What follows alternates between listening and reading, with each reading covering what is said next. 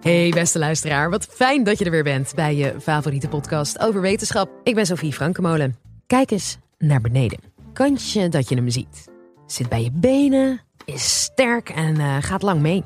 De spijkerbroek. Ja, klinkt hartstikke duurzaam, maar je spijkerbroek slurpt liters water voordat hij om jouw billen belandt. Waterbeheeronderzoeker Rick Hogeboom van Universiteit Twente vertelt je hoeveel water jij onbewust per dag gebruikt. Dit is de Universiteit van Nederland. Hoeveel water denk je dat jij op een dag gebruikt? 40 liter? 400 liter? 4000 liter? Gemiddeld gebruiken we 4000 liter per dag. 4000 liter, dat is zo'n 40 badkuipen vol. En nu denk ik niet dat veel van jullie 40 keer per dag in bad gaan. Dus waar gebruiken we al dat water dan voor? En hoe erg is dat? In Nederland regent het tenslotte altijd voor ons gevoel. Maar toch zijn watertekorten een groot probleem, ook voor ons. Sterker nog, wij dragen in belangrijke mate zelf bij aan die tekorten. En daar wil ik het vandaag over hebben. Laten we bij het begin beginnen. Waar gebruiken we water voor op een gemiddelde dag? We poetsen onze tanden, we nemen een douche, we drinken nog wat water, gebruiken het om te koken en spoelen de wc door. Maar dat alles samen is slechts 1% van ons dagelijkse watergebruik. Van onze watervoetafdruk. Dat is een maat van hoeveel water wij gebruiken. Dus je kunt wel een waterbesparende douchekop nemen of de kraan dichtdraaien tijdens het tandenpoetsen. En dat is absoluut een goed idee. Maar het gaat niet het verschil maken. Of nou ja, het kan een verschil maken voor water van Nederlandse bodem. Maar dat water is niet zo schaars als elders in de wereld. En het wordt bovendien relatief goed beheerd. Het meeste water dat wij gebruiken is onzichtbaar. Het is indirect gebruik. Het zit verborgen in onze leefstijl, in de kleren die we dragen, in de spullen die we kopen en, heel belangrijk, in ons eten. Voor vrijwel alles dat wij consumeren is namelijk water nodig. En bovendien is onze watervoetafdruk ook nog eens voor het grootste gedeelte opgebouwd door water uit het buitenland. Denk maar eens aan wat je zoal eet. Avocado's en pistachenootjes en sinaasappels. Die groeien hier niet in de polder. Die halen we bijvoorbeeld uit Argentinië of uit Iran. En wat dacht je van je kleren? Katoen voor een spijkerbroek? Dat kan heel goed uit Centraal-Azië komen of uit India. En laten nu juist dat de plekken zijn waar water heel schaars is. Je zou zelfs kunnen zeggen dat wij met onze levensstijl hun water opmaken. En ik hoor je denken, meen je dat nou? Is mijn consumptiepatroon echt debet aan watergerelateerde problemen aan de andere kant van de wereld? Hoe zit dat? Ik wilde dat zelf ook graag begrijpen, dus ik ben er met mijn onderzoek goed ingedoken. Laten we eens kijken naar die 4000 liter per dag. 1% daarvan, dat zagen we, is direct gebruik in Nederland. Wat we gebruiken in en om het huis en waarvoor je een rekening krijgt van je drinkwaterbedrijf. Van die overige 99% indirect water komt 95% ergens anders vandaan, uit het buitenland. En ik zal er drie voorbeelden van geven van producten die we allemaal kennen: van koffie, van vlees en van katoen. En laten we beginnen met koffie. De koffie die wij in Nederland drinken, waar komt die vandaan? Die komt uit tropische gebieden. Op de velden waar de koffieplant groeit, is de waterverdamping door de hoge temperaturen erg hoog. En dat zorgt voor een grote watervoetafdruk voor het eindproduct koffie. Voor de koffiebonen van één kopje koffie is op die manier 140 liter water nodig. 140 liter, oftewel ongeveer duizend keer dat kopje vol. Nou regent het ook heel veel in de tropen. Dus de bron van die 140 liter is dan ook meestal regenwater dat op die velden valt en dat door de plant verdampt wordt. Als dat niet genoeg is, dan moet er misschien water bij. En dat doet de boer door te beregenen, oftewel door irrigatie. In het geval van regenwater noemen we het verloren water de groene watervoetafdruk. En het geïrrigeerde water dat verdampt, dat noemen we de blauwe watervoetafdruk. Dat is dat komt uit putten, uit meren en rivieren. Beide bronnen, groen en blauw, zijn maar beperkt beschikbaar. Water dat dus voor de koffieplant wordt gebruikt, kan niet meer ergens anders voor worden ingezet op dezelfde plek op hetzelfde moment. Je moet dus heel goed nadenken waar je het beperkte beschikbare water aan uitgeeft. Aan de koffieboer? Aan andere producten? Aan lokale gemeenschappen? Aan de natuur? Vlees dan. Het leeuwendeel van onze watervoetafdruk wordt bepaald door ons dieet. En binnen ons dieet zijn dierlijke producten het meest waterintensief. Dat komt eigenlijk met name door het vele voer dat we de dieren voeren.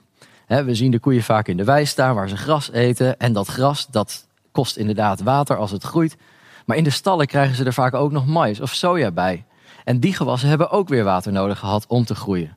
Bijvoorbeeld op de velden in Brazilië, waaruit wij het importeren. En vervolgens geven we dat eten aan een koe en dan eten wij de koe op. En als we op die manier al het watergebruik optellen, van boer tot bord, dan gebruikt één hamburger het equivalent van 35 keer douchen. Probleem zit hem erin dat dierlijke calorieën niet zo efficiënt zijn in vergelijking met plantaardige om te produceren. Voor een kilo vlees is al gauw 5 tot wel 10 kilo mais of soja nodig. Het is dus veel efficiënter om de plantaardige calorieën direct zelf op te eten. En dat zie je ook terug in de verschillende watervoetafdrukken van diëten. Een standaard Nederlands dieet met, een, uh, met vlees kost gemiddeld 4300 liter water per dag. Terwijl een vegetarisch dieet gemiddeld 2700 liter water per dag kost. Zo'n 40% minder dus. Ook als we vanuit het perspectief van eerlijke verdeling hier naar kijken, dan blijkt dat onze Nederlandse watervoetafdruk, dus van onze levensstijl, maar met name door ons dieet, dat die echt erg groot is. Wij claimen een onevenredig groot deel van de wereldwijde watertaart om onze consumptiepatronen in stand te kunnen houden. Een derde voorbeeld dat ik wil geven is onze kleding, waaronder de spijkerbroek uit de titel van dit college. Katoen, waar de meeste kleding van gemaakt wordt, is namelijk een echte waterslurper. Voor het telen van katoen, het verven en de productie van één spijkerbroek is gemiddeld wel 8000 liter water nodig. 8000 liter, ofwel zo'n 80 badkuipen. En let wel, dit is een wereldgemiddelde. Op sommige plekken kost diezelfde spijkerbroek wel 12.000 liter. En dan komt het meeste daarvan ook nog eens uit blauwe bronnen. Water uit putten, meren en rivieren. Wat de grootste problemen geeft, zoals we straks zullen zien. Die grote verschillen die laten zien dat er een enorme verspilling zit in de productieketens van katoen. De ene boer doet het echt veel beter dan de andere. Bijvoorbeeld door waterzuinige irrigatiesystemen toe te passen, of niet. Daarnaast zorgt dat verven en de productie van de katoen voor watervervuiling. En dat duiden we aan met de grijze watervoetafdruk. Deze grijze vervuilingswatervoetafdruk tellen we ook mee, naast dus die groene regen en die blauwe rivierwatervoetafdruk. Om zo tot de totale watervoetafdruk te komen. Fast fashion, en daar denk je al snel aan katoen, is voor zowel die groene als die blauwe als die grijze watervoetafdruk een groot probleem door het waterslurpen en de vervuiling. Als je kijkt naar de voorbeelden van koffie, van vlees, van kleding, dan zie je dat we ontzettend veel water gebruiken buiten Nederland. En zo zijn er nog talloze voorbeelden te bedenken. Je ziet dus dat onze watervoetafdruk over de hele wereld verspreid is. Lokaal op die plekken kan dat watergebruik een ontzettend grote impact hebben. En ik schets die impact aan de hand van drie problemen, drie voorbeelden van problemen. Ten eerste gebruiken we op veel plekken gewoon simpelweg meer water dan dat er duurzaam beschikbaar is. En dat leidt er bijvoorbeeld toe dat grondwaterstanden zakken, dat rivieren niet meer naar zee stromen. En dat heeft weer een effect op ecosystemen en de biodiversiteit. Een vis zwemt uiteindelijk liever in het water dan op het droge. Helaas zien we wereldwijd grote milieuschade door overonttrekkingen. Allemaal om onze consumptiepatronen in stand te kunnen houden. Het tweede probleem heeft te maken met nodeloze verspilling en de waarde van water. Een stukje vlees of een spijkerbroek kost ontzettend veel water, zoals we zagen. Maar water uit de grond of uit de rivier is veelal gratis of anders veel te goedkoop. Zolang de boeren niet betalen of niet hoeven betalen voor het water dat ze gebruiken om soja of mais of katoen te verbouwen, ja, dan zie je dat ook niet terug in de prijs die wij als consument betalen. Zo is er ook geen prikkel om efficiënter en dus duurzamer te werken en blijven we verspillend omgaan met de schaarse bronnen. We zouden echt veel meer monden kunnen voeden of mensen kunnen kleden als we water op een economisch efficiëntere manier zouden inzetten. Het laatste probleem is maatschappelijk van aard. Zodra water schaars wordt, neemt de competitie tussen verschillende gebruikers toe en daarmee ook de kans op spanningen en sociale conflicten. De boeren willen water voor de landbouw, bedrijven willen water voor hun productie en burgers willen water voor huishoudelijk gebruik. En oh ja, de natuur wil ook nog water. En we staan voor de energietransitie. En die hernieuwbare energiebronnen, zoals waterkracht en biomassa, die vragen ook nog eens een bak extra water. Een voorbeeld van waar die watertekorten als katalysator voor conflict hebben gediend, zag je bijvoorbeeld bij de oorlog in Syrië. Door droogte en watertekorten konden de boeren hun boerenbestaan niet langer uitvoeren, waardoor ze verarmd naar de stad trokken. Daar liepen de spanningen die er toch al waren nog verder op, wat uiteindelijk mede heeft geleid tot die verwoestende burgeroorlog. Wellicht lijkt watergebruik op het eerste gezicht dus niet zo'n probleem. Maar omdat water van zo'n ontzettend groot belang is voor de maatschappij, de economie, voedselproductie, de energietransitie en ecosystemen, eigenlijk voor het leven zelf, is de impact van een te grote watervoetafdruk wel degelijk heel groot. Die problemen voltrekken zich alleen niet zo snel als bijvoorbeeld bij een overstroming of bij een aardbeving. En ze zijn niet zo mediageniek. Watertekorten zijn een traag groeiend probleem, maar een groot probleem niettemin. Goed, nu we dit weten, wat kunnen jij en ik als consument hier nu aan doen? Wat kunnen wij doen aan onze wereldwijd verspreide watervoetafdruk en aan de veelkoppige problemen die dat op zoveel plekken geeft? Ten eerste zagen we al dat we in en om huis zuiniger aan kunnen doen. En het zijn de bekende deviezen. Kraan dicht tijdens het tandenpoetsen, niet te lang douchen, niet de tuin sproeien bij 30 graden. En het helpt om Nederlands water te besparen. Maar voor het grotere plaatje zet het niet heel veel zoden aan de dijk. Daarvoor moeten we onze indirecte watervoetafdruk aanpakken. En dat doen we door middel van onze consumptie, door die te veranderen. Het makkelijkst is om te minderen. En dan in het bijzonder via ons dieet. Minder dierlijke producten eten, zoals boter, kaas en eieren en vlees. Je hoeft echt niet alle dierlijke af te zweren, maar bijvoorbeeld een Meatless Monday of een Veggie Friday maakt al een verschil.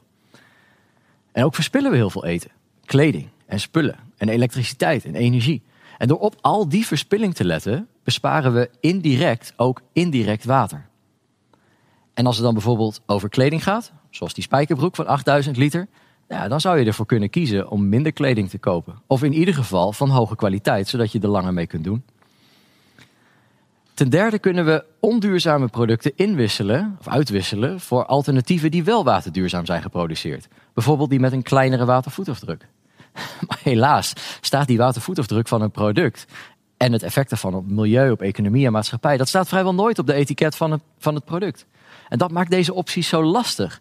En daarom moeten we transparantie vragen van bedrijven en producenten en misschien van overheden. Want alleen zo kunnen we betere keuzes maken om beter om te gaan met ons water.